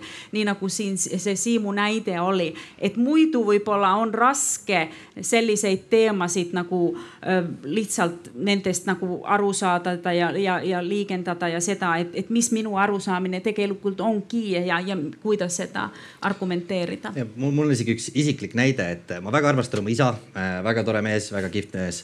Äh, tõesti väga armastan, aga minu isa niimoodi võiks kokku võtta siukse ühe lausega, et, et ma ei ole rassist, aga, et ma ei ole homofoob, aga ta on sihuke noh, oma põlvkonna mees ja sealt võib-olla tal selline suhtumine tuleb, et kui mina kunagi läksin keskkooli, hakkasin tegelema sellise hobiga nagu väitlemine äh, ma arvan, väga kihvt hobi, proovin seda praegu ise õpetada edasi. siis, siis me hakkasime rohkem omavahel vaidlema, olin saanud mõningad oskused, hakkasin rohkem isa käest küsima, aga miks sa nii arvad? ja, ja siis Tappa ta. ei saanud või? ei saanud, õnneks ei saanud ja siis ta rusikahaua peal ütles, et aga kurat, sind on õpetatud siin vaidlema. ainult sa vaidled, mis värk on selle kooliga, et nad õpetavad sind niimoodi vaidlema. et, ähm, et võib-olla nagu vastuseks sinu sellele küsimusele, olgu see homopropaganda või olgu see, see tolerastia ja kõik vasakliberaalid, mida iganes siin meedias on välja öeldud, et mida see kool kõike kurja teeb. et võib-olla see kahekümne esimese sajandi kool ei peakski ja ma ise mõtlen, et ma justkui teengi seda, ei peaks õpetama teemasid või õigeid arvamusi, me peaksime andma õpilastele oskused, oskused mõista oskused küsida, oskused argumenteerida, oskused väidelda, mitte vaielda selle Habermassi mõttes. ja kui me anname need oskused, siis need vastused äh, nendele küsimustele, mis iganes need ühiskondlikud teravad küsimused on, need õpilased sisustavad ise ja mina, ma mõnikord teen ühiskonnaõpetuse tundides kaheteistkümnendas klassis sellist äh, trikki, et ma annan äh, ülesande päris esimesel tunnil, ütlen õpilastele, et, et palun siin kahe kursuse lõpus kevadeks öelge, kas ma olen liberaal või konservatiiv, öelge, kas ma olen vasak või parempoolne, et kuidas te mind paigutate sellesse maatriksisse mm. -hmm. proovides äh, mitte ise midagi arvata, vaid anda neile oskuseid. et äh, siiamaani enam-vähem olen ma suutnud maskeerida seda, mida ma asjadest ise arvan äh,. aga ma loodan, et oskused on kohale jõudnud sellest, et äh, kuidas mõelda ühiskondlike probleemide peale. et just, äh, just see oskuste õpetamine võiks olla ka see tee mm, vältimaks sellist ühiskondlikku konflikti, et, et kui mõni, mõningad äh, Äh, olgu siis poliitilised jõud või ühiskondlikud grupid on väga pahurad, et, et mingeid teemasid käsitletakse, siis võib-olla ka nendele pöörata rohkem tähelepanu, öelda, et, et, et ei, me, me ei käsitle neid ideoloogiliselt kuhugi suunas. me anname tööriistu õpilastele. ja anname ka oskusi, kuidas tunnistada oma tundeid ära, et mm -hmm. miks tuleb, ärgib selline tunne, et koolis on homopropaganda. jah Julia Kristeva on oma uuringutes juba kaheksakümnendatelt välja toonud selline meie ja teie ja psühholoogid on seda põhjendanud, seda teie ja meie vahelist konflikti hirmuga. Et me kardame teisi, me kardame võõrast, kõik, mis on meie jaoks tundmatu, see kuskilt räägitakse sellest mao ajus olevast äh, efektist, eks, et me reageerime kiiresti mingitele ohtudele, me ei analüüsi neid. ja paljuski on seda seostatud ka meediaga, et kõik see, mis on meedias kiiresti leviv, valeuudised ja teadusuuringud ka seda näitavad, et levivad kiiremini kui tõesed uudised, sellepärast et inimesel on hirm. et see on midagi sellist, äh, mis sunnib meid reageerima. Mida saaks teha inimese ajuga, et ta ei reageeriks valedele uudistele nii kiiresti jah, ja tähendab seda, et kui inimene tunneb, et see on nagu ohuks just, mulle, et, et, et see, et me räägime nagu, et sellesse on neid teadmisi ka vaja, et me ei tunnetaks midagi asjata on meie jaoks oht. ma tunnetan seda, et siin äh, üks paar siin kahtlane, kes siin oli niimoodi, väitis, et Eesti kultuuril on suur oht, kui siia tuleb veel keegi. Et kuidas sellest koolis sellest nagu üle saada, et te räägite, et tuleb rääkida ja. ma arvan, et ega sellest hirmust ei saagi üle, selles üle, mõttes, et see on, ma arvan, mõnes mõttes nii-öelda kaasasündinud enese alalhoiu instinkt, eks ju, et, et me, et me, et meil ikkagi noh, peamine ikkagi on see, et minul peab olema turvaline, minul peab olema hea, inimes-, inimesel on vaja seda kogukonda enda ümber, selle ta loob mingisuguste noh, paremal juhul mingite väärtuste põhjal, aga, aga noh, enamasti on, no ikka, ikkagi enamasti on mingisugused väärtused, aga need ei pruugi, noh, ma just, just mõtlesin ka sellele, et see meie tunne on ju tegelikult see, et vaata, meie klass on väga äge, aga AK-d on kõik lollid. oli küll niimoodi. ja absoluutselt, eks ju, meil oli ka, eks ju, AK-d olid, need olid kõige nõmedamad, aga no, noh, tegelikult ei ole seal absoluutselt mitte mingisugust äh, objektiivset äh, põhjust, et noh, AK-d arvavad samamoodi beekate kohta, eks ju, et nemad millegipärast ei saa aru, et meie oleme kõige lahedamad, et nemad ütlevad, et nemad on kõige lahedam. et noh, see vajadus kuuluda, vajadus olla äh, mingisuguses rühmas, sest see, see ju ka tegelikult on see, et äh, vajadus äh, olla inimestega, kes arvavad sinuga ühtemoodi, kellega on turvaline, et ma arvan, et seda hirmu põhimõtteliselt see, see sünnib kaasa.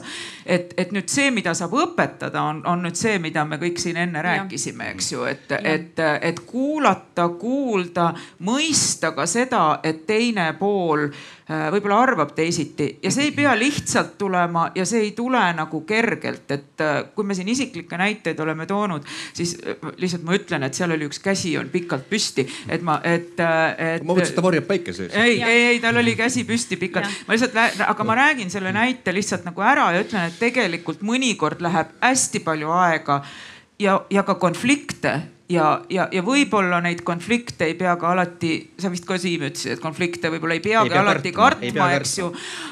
et, et noh, minu ema on äh, vene, vene rahvusest ja äh, siin kasvanud doktorikraadiga teadlane olnud terve elu, nüüd, nüüd loomulikult pensionil juba minu poeg äh, on, äh, nad hästi armastavad, nagu sa ütlesid, sa väga-väga armastad oma isa, eks ju. minu poeg ja armastab oma väga-väga oma vanaema ja vanaema väga-väga armastab oma poega, lapselast siis. ja aga, aga minu poeg läks õppima Tartu Ülikooli ajalugu ja noh, Tartu Ülikooli ajalugu on äh, teatavasti nagu väga sihuke Laari kirjutatud ajalugu, ehk siis on, ei ole või? aa, sa oled ka Tartu Ülikooli ajaloo, okei. no põhimõtteliselt ja, ja te ei kujuta ette, millised vaidlused olid meil kodus äh, selle noore poisi vahel, kes õppis Tartu Ülikoolis ajalugu ja selle vanema proua vahel, kes äh, oli tulnud Nõukogude ajast, kelle jaoks tema identiteet kujunes sellel perioodil perioodil ja kes ükskord hommikul ärkas, kellel, kellel toimus ka lahutus mõnes mõttes selle pinnal. isa oli eestlane, et minu isa tähendab, et, et, et siis no, ühesõnaga, kes on selle kõik läbi elanud.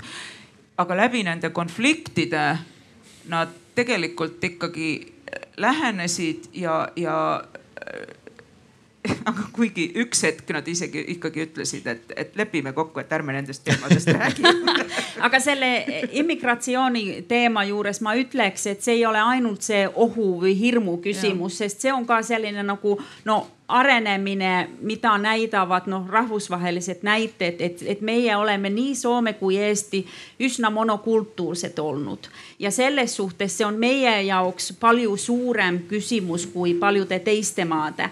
et siit see, see multikultuurne Äh, seisund, mis, milles võib-olla Eestis praegu oldakse, see tähendab seda, et seal on erinevad kultuurid, aga nad on veel eri, eraldi nagu rühmadena ja nad ei suhtle ehtsalt nagu üksteisega veel. aga siis, kui tuleb selline nagu ütleme, interkultuurne faas, siis nad saavad rohkem äh, mõista võib-olla ja suhelda juba, juba niimoodi nagu ütleme enam-vähem normaalselt võib-olla mul oli hästi, üks hästi kiire kommentaar siin selle eelmise jutu nagu lõpuks, et, et kuidas siis äh, tuua lähemale või et mida see kool või mida see õpe teha saab, et eh, vabandust, et ma nüüd jälle segasin, et ähm, et minu meelest hästi oluline koht koolil on pakkuda sellist turvalist keskkonda, mida kuskil mujal ei pruugi olla. et, äh, et noh, väga raske tihti juhtub koolis nii, et või väga raske on koolis tihti sellepärast, et õpetajad, kool, haridussüsteem ja kodu ei käi ühte jalga mm. -hmm ja käivad teist jalga ja ma ei, ma ei saa, ma ei saa tunnis öelda, et kuule, et see, mida sinu vanemad on sulle õpetanud üheksateist aastat, on minu meelest täielik jura, et mina käisin koolis, mina õppisin selle selgeks ja see sinu vanemate asi, see on jama.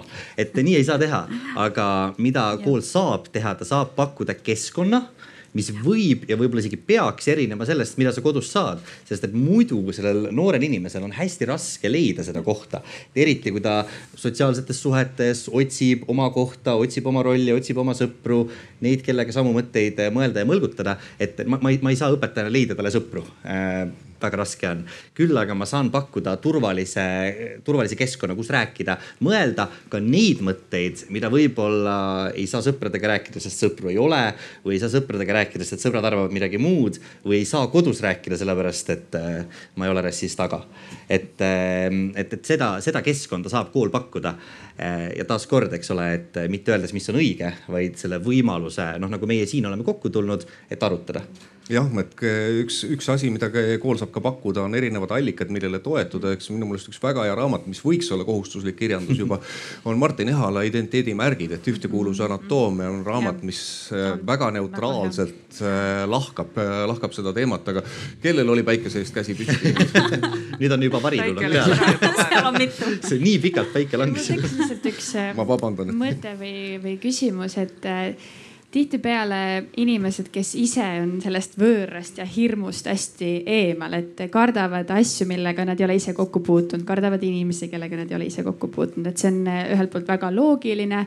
ja teiselt poolt võib-olla on sellel ka mingi põhjus, näiteks, et mina elasin natuke aega Prantsusmaal ja kohtasin seal päris mitut eestlast, kes olid saabunud eh, Pariisi täielike liberaalidena ja seal muutunud vastav nagu täielikuks vastandiks, sellepärast et see, mida nad mõtlesid siin oma mullis elades nendest inimestest, mitte kunagi nendega nähes, mitte ühtegi isiklikku, isiklikku nagu tuttavat omades, oli midagi hoopis muud, kui nad kogesid seal. aga samalt poolt jällegi ilma selle konkreetse isikliku kokkupuuteta ei olegi võib-olla õige seda arvamust eh, kujundada, et lihtsalt oma kodus nelja seina vahel otsustada ära, et kas need inimesed on hirmu tekitavad, kas me peaksime neid kartma või, või mitte et äh, kui, kui palju teie arvate, et äh, inimesed äh, teevad neid hirmu ja usaldamise valikuid selle põhjalt, et mida nad on näinud nii-öelda meediast ja, ja peavoolu igasugustest seriaalidest ja filmidest ja palju reaalse isikliku kokkupuute ja kogemuse põhjal mulle tundub, et sa ütled ise vastuse ära, et ja. Äh, ma arvan, et ja. väga palju, sellepärast ja. et ega neid kokkupuuteid ongi ju vähe, et äh, see on ju paratamatus. ja, ja vähemalt liiga palju selles suhtes, et võib-olla lihtsalt noh, minna inimeste juurde ja küsida. Soomes tehti selline projekt mõnda aastat tagasi, kus said laenata endale elusa inimese kes on erinev kui sina ise, sa ei, sa ei laenuta, laena raamatut, vaid inimese, et tema ise räägib sulle oma loo ära ja, ja siis nad said väga palju noh lähemale, sest see oli koos elatud lugu. ma, ma toon näite, et meil tegelikult äh, e, siin eriolukorra ajal kujunes välja ka üks projekt, et kui me, kui me märkasime, et äh, eestikeelsetel inimestel on paljudel ootamatult jäi aega üle, sest et mingid kohustused kukkusid ära. ja, ja samas meie õppijad, meie, ma mõtlen Eesti Keele Maja, siis Integratsiooni Sihtasutus pakub keeleõpet eesti keelest erineva emakeelega inimestele. et siis meie õppijad nendel kukkus ära võimalus suhelda eesti keeles, sest et kõiksugused, igasugused vormid olid ju ära lõigatud, kokkusaamise vormid. siis me viisime interneti teel vabatahtlike alusel, meil oli ligi viissada eestikeelset inimest, kes vabatahtlikult, me, me oma, minu sõbrad sotsiaalmeedias juba, ma arvan, ignoreerisid mind, ma arvan, et mõned blokkisid ära, sellepärast et ma kutsusin kõiki kogu aeg, et tulge meie projekti, tulge meie projekti. aga me siiski saime peaaegu viissada inimest, kes siis said endale keele keelesõbra, me nimetasime seda keelesõbra projektiks, nad said endale keelesõbra. ja me algul mõtlesime, et selle eesmärk on tõesti see keeleline et, et, et toetada neid, kes tahavad suhelda eesti keeles, kes tahavad eesti keelt õppida ja, ja, ja anda neile siis võimalus nii-öelda päris eestlane saada ja, endale päris pär,. aga, aga selle mõju oli oluliselt suurem, ehk siis me tegelikult tagasisidet äh, analüüsides nägime, kui paljud eestlased ütlesid ma esimest korda elus sain endale päris venelase sõbraks või päris äh, prantslase või meil oli erinevad, meil oli kaheksateistkümnest eri riigist inimesed. et, et paljud olid küll need riik, riigid nii-öelda olid just need eestikeelsed inimesed, kas väliseestlased või need, kes olid jäänud kuskile sulgu, koroonasulgu ja tahtsid eesti keeles suhelda, aga oli, et, et et tegelikult see päris inimese ja. laenamine on ja. päris hea mõte. ja selline noh, kogemus on tegelikult hädavajalik ka selle jaoks, et me saaksime aru, et see lõimumisprotsess on mitmesuunaline, mitte ja. nii, et see siia tuleja lõimuks nagu sellesse ühiskonda, vaid et see ühiskond ka oleks nagu vastuvõtav ja ka, et need erinevad rühmad omavahel, sellepärast mitmesuunaline. ja sellepärast ma tegelikult, äh, tegelikult äh, petsin teid kõiki ära enne, te kõik muidugi kõik jäite uskuma, et ma äh, vihkan seda, kui Eesti koolidesse tulevad teistkeelsed ja teistkultuursed lapsed. tegelikult ma arvan, et klassiruumid peaksid olema võimalikult erinevad, võimalikult mitmekeelsed ja, ja tegelikult see igapäevane toimimine ja see igapäevane keskkond on siis see, mida siis mõnikord õpetajad õpetajate targal äh, juhtimisel ja suunamisel äh, on, on, on võimalik tegelikult see, see muudab nagu kõige rohkem või annab kõige suurema sellise kogemuse eluks. jah, ja, ja, ja Soomes tegelikult koolidirektorid on mures sellistes koolides, kus on väga vähe immigrante, sellepärast et, et nemad ei saa seda kogemust ja ei harju sellise ühiskonnaga. nii ei, ma katkestaks praegu. ma näen, et üks väga kärsitu soomlanna on. Soovib kasutada oma inimõigust. jah, reisinud juba, juba Soomest kaugel siia ja tegelikult ei, ma siis inimõiguste kasvatusest ja koolitusest tegin väikse intervjuu oma tütrega just, kes on gümnaasiumis, et no kuidas teil on seda õpetatud, seda, neid inimõigusi, inimõigusi, no aa, need on need ÜRO asjad ja need. Ju no midagi on õpetatud ja no siis ma, no kuidas teil on tolereerimist ja aktsepteerimist õpetatud? Ja siis ta vaatas mind natuke viltu ja ütles, et aga no meil on ju igasuguseid inimesi meie koolist, no ta natuke kunsti kallutatus koolis, et kui neid on, neid kokkupuuteid, kõik see, mida Irene ütles, et äh, kokkupuuteid, kui on, siis see lähebki selle kaudu ja ei vaja, vaja neid imelikku sõnu kasutada.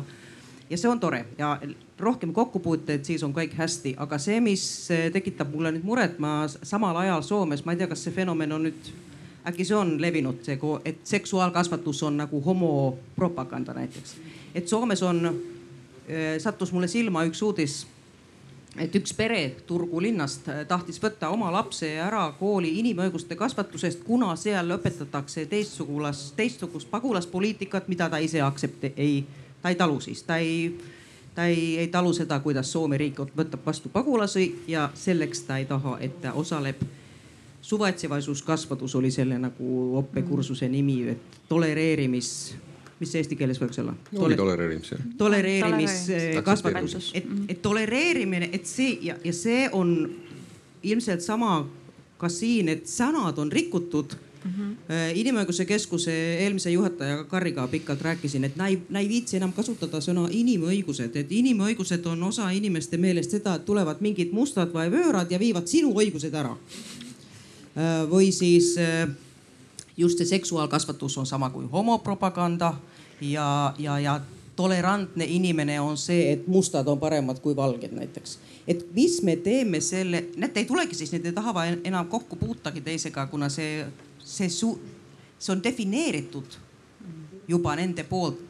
et kuidas sa, kuidas sa väidled siis nendest teemadest, kui sõnad on isegi nii valesti aru saadud ja. või, või, või teisiti aru saadud, et, et kuidas koolis, kas, kas meile antakse juhised või see lastele antakse juhised, et, et sedasama sõna kasutatakse nii eripidi? Mina arvan, et sõnad on alati laetud äh,. eriti need sõnad, mida tahetakse, et oleks laetud, et, äh, et sõnal paratamatult on see päris suur jõud, millest me ju päriselt alustasime ka äh,. küsimus on nüüd selles ja taaskord korrates ennast, aga tulles selle ühe mõtte juurde tagasi, et, et võib-olla, võib-olla siin ongi tekkinud nagu viga äh, õppekavades ja, ja õpetajaõppes, äh, võib-olla ka Soomes ja võib-olla ka Eestis, et ilmtingimata ei pea õpetama teemasid ja ei pea õpetama väärtuseid.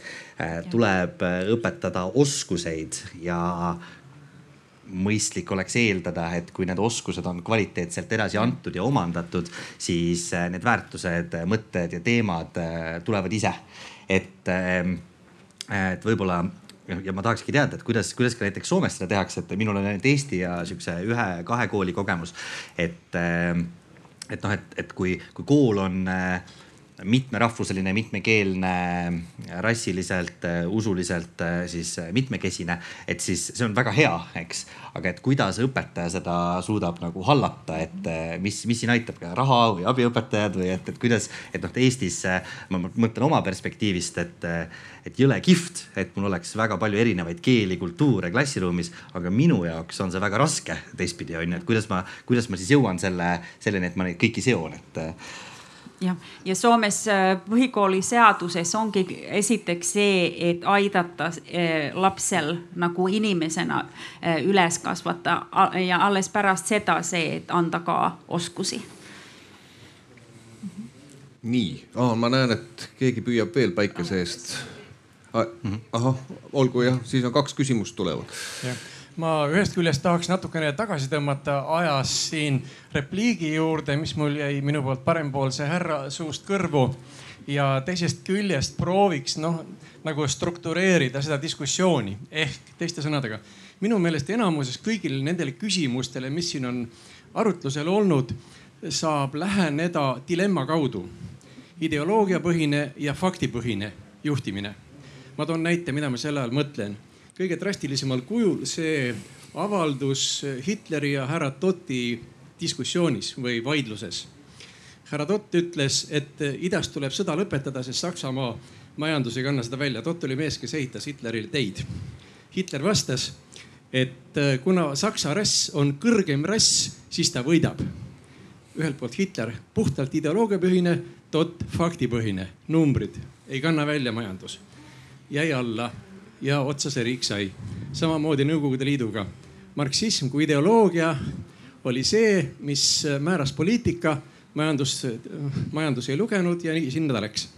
ma väidan veel, et kui riiki juhitakse ideoloogiapõhiselt, siis tulevad kohe kaks asja, vale ja vägivald. vägivalda me näiteks näeme praegu ideoloogial põhineval eh, Prantsuse vasakpoolsetel, kes põletavad kirikuid. see pärineb mul otse Prantsuse allikast ja sedasama ideoloogiapõhist agressiivset eh, oma tõe pealesurumist me kohtame Eestis ka, mis puudutab näiteks teise ilmasõja lõppu. mina sinu fakte ei kuula, argumendid võid oma tasku panna. ja kui nüüd härra ütles, et me peame koolis pakkuma keskkonda ja mitte, mitte ütlema, mis on õige, siis see tähendabki faktipõhise diskuss-, faktipõhisest oma tõe kaitsmisest loobumist ja see agressiivne ideoloogia jääbki peale. Ma, ma ei ole teiega nõus, et äh, ma arvan, et vastupidi, äh, ma arvan, et turvaline keskkond, et kui me vaatame ka akadeemilist kultuuri tervikuna maailmas, siis äh, ülikoolid ajaloo vältel ongi olnud turvakohad, et arutelu saaks areneda. mida turvalisem on arutelu, seda rohkem on võimalik sellest arutelust välja võtta, et siis aitab väitlus viia siis parema tulemuseni, tõeni. ja ma arvan, et vastupidi, et kui meil on turvaline keskkond, siis on võimalik kõigil miskit arvata. see ei tähenda et ei oleks õigeid vastuseid või et ei oleks võimalik kasutada fakte, eks ole, siin tulebki siis mängu argumenteerimine. aga kui meil ei ole turvalist keskkonda, siis ei ole võimalik argumenteerida, sest siis jääb peale tugevama seisukoht, mitte siis tugevam seisukoht siin Habermassi parafraseerides. et ma arvan, et selle jaoks, et üldse oleks võimalik midagi arvata, peab olema loodud turvaline keskkond. kui ma kardaks, et Andres äh, tuleb mulle pärast äh, ja paneb vastu pead, et poiss, mis sa räägid, et siis, äh, siis ma ei julgeks midagi arvata.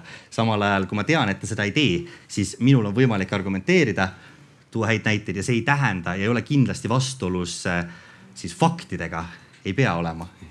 jah, aitäh, üks küsimus oli veel teil hakkas aeg otsa saama, siis küsimus ikkagi selline. Te lähtusite arutelus, et empaatia näiteks või siis äh, suhted, et need on a priori iseenesestmõistetavad. aga nad ei peaks ju olema iseenesestmõistetavad. millisel asjal üldse lähtub selline arvamus, et on noh, näiteks empaatiakasvatus või siis multikultuursus on iseenesestmõistetav, et see ongi hea. kuigi ja olen pannud tähele, koolis tuleb välja ikkagi inimesed, kes peavad esimeseks jõud, võim ja raha. Nende kaudu saaks ju sama hästi kõik needsamad asjad lahendada. Need on elu põhiväärtused ju, kõik pehmed väärtused rajanevad nendel kivikõvadel, rämedatel asjadel, jõud, võim ja raha. Võib-olla ma, ma, mina oskan Eesti kooli perspektiivist öelda äh,. tunnistan, alati ei tule kõik koolist välja nii nagu võiksid tulla äh,. ja sellepärast me peamegi rohkem pingutama, ma arvan, et Soomes on sama mure. mida rohkem me pingutame, seda paremini haridussüsteem toimib, ma arvan, et see on kindel. ma arvan, et äh, ei ole nii, et üks või teine viis elule või ühiskonnaprotsesside vaatamisele või omavahelistele suhetele, olgu see empaatiast lähtuv või võimust lähtuv, äh, on õige vastus. minu meelest küsimus on selles, et äh, kuidas, kas me anname õpilastele võimaluse näha ka teist teed, et äh, kuidas? Mõlemat pidi, ma arvan, et kui inimene näeb oma perspektiivi, kasutades kõiki neid häid meetodeid, mida talle on õpetatud äh, läbi võimu ja raha lase käia. Äh, ma tahaks loota, et samal ajal ta on näinud ka empaatia väärtust. Kui ta ei ole, siis äh, ma pean tegema rohkem tööd, et ma tahan, et alati näeks mündi mõlemat külge, et ta ei näeks ainult ühte külge, sest siis tema elu on lihtsam, tal on rohkem informatsiooni, et otsuseid teha ma arvan küll. jah, aga, aga jah, praegusel hetkel ma siiski hakkan tõmbama vaikselt mikrofone eeblist alla, et vana raadiotöö kogemus äh, võimaldab meil aru saada märgist, et aega on jäänud ainult kaks minutit. see tähendab seda, et saade saab läbi. et ma väga vabandan kuulajate hulgas, aga tõepoolest saade saab lähe, äh, saade saab läbi, et ma annaksin viimaseks sõnaks ma ei taha öelda, et see teie lõplikult viimaseks sõnaks jääb, aga selle kahe minuti jooksul selle saate viimaseks sõnaks veel meie esinejatele võimaluse. Äh, jah, võib-olla, võib-olla ma jään kinni praegu ka sellesse arutellu, et, et kas multikultuursus on a priori hea, et me lähtume siin sellest, eks ju, et, et noh, minu, minu arvates on, ma tulen tagasi sellest, millest ma alustasin, kui sa küsisid, mis on inimõigus. et minu jaoks on see see, et äh, iga inimene, äh, et igal inimesel on, on selles kogukonnas, nimetame seda kogukonda praegu riigiks, et selles riigis hea olla, ta teab oma vastutusi, ta teab oma kohustusi, aga tal on ka siis äh, võimalus siis toimetada nii, nagu ta tahab ja, ja, ja, ja sellepärast ma arvan, et ongi oluline, et seal ei ole vahet, kas see on, ma ei tea, homo, venelane, eestlane, inglane, mees, naine, noor, vana, isegi keskealistel on oma õigused. nii et isegi mina meil. nagu, isegi meil jah, et, et, et mina nagu sellepärast lähtun sellest multikultuursusest äh, positiivses võtmes äh,. et see minu mõistes on multikultuursus see, et igal inimesel on võrd, kõigil inimestel on võrdsed õigused ja võimalused ja kohustused Äh, olenemata nendest keelel-, nende keelelisest, kultuurilisest või rassilisest äh, siis background, no sellest taustast jah, ja, ja sellepärast kool ongi hea, et seal need erinevused on iga päev sealjuures ja, ja tähendab, kooli ülesanne ongi, et, et iga õpilane saab aru sellest, et mis need inimõigused nagu elus enesest tähendavad, sest seal on ju teised inimesed, kes tunnetavad asju teistmoodi. Ja, ja kui nad sedakaudu saavad aru teineteisest, nad õpivad ka seda empaatiat, et, et mida ma sulle tekitan, kui ma ütlen midagi. mina arvan, et on alati hea, kui me anname õpilastele koolist kaasa tööriistu, oskuseid. et võib-olla ma lõpetaks üleskutsega, et äh, kes käib koolis, äh, nõudke endale argumenteerimist ja väitlusoskuseid. kelle lapsed käivad koolis, küsige kooli käest, et kas te õpetate argumenteerimist, mõtlemist, kuulamist, kriitilist äh,, kriitilist arutelu äh,. ja kui ei õpeta, siis miks ja nõudke, et õpetataks, et ma arvan, et see on asi, mis, mis võiks äh, vähemalt minu meelest kõigis Eesti koolides igas kooliastmes toimuda. Ja laenake endale elus inimene kui vaja, siis Soomest. kes, kes oma loo teile räägib. minul on oma soomlane kas ma võin laenata? ja, palun. järjekorras. ega, ega lõpetuseks ma võtan veel viimasena sõna kokku, et kogu sellest kooliõpetusest niikuinii kasu ei ole. ainuke asi, mis elus edasi viib, on surmahirm ja sugutung, nii et, nii et aitäh teile. aitäh. aitäh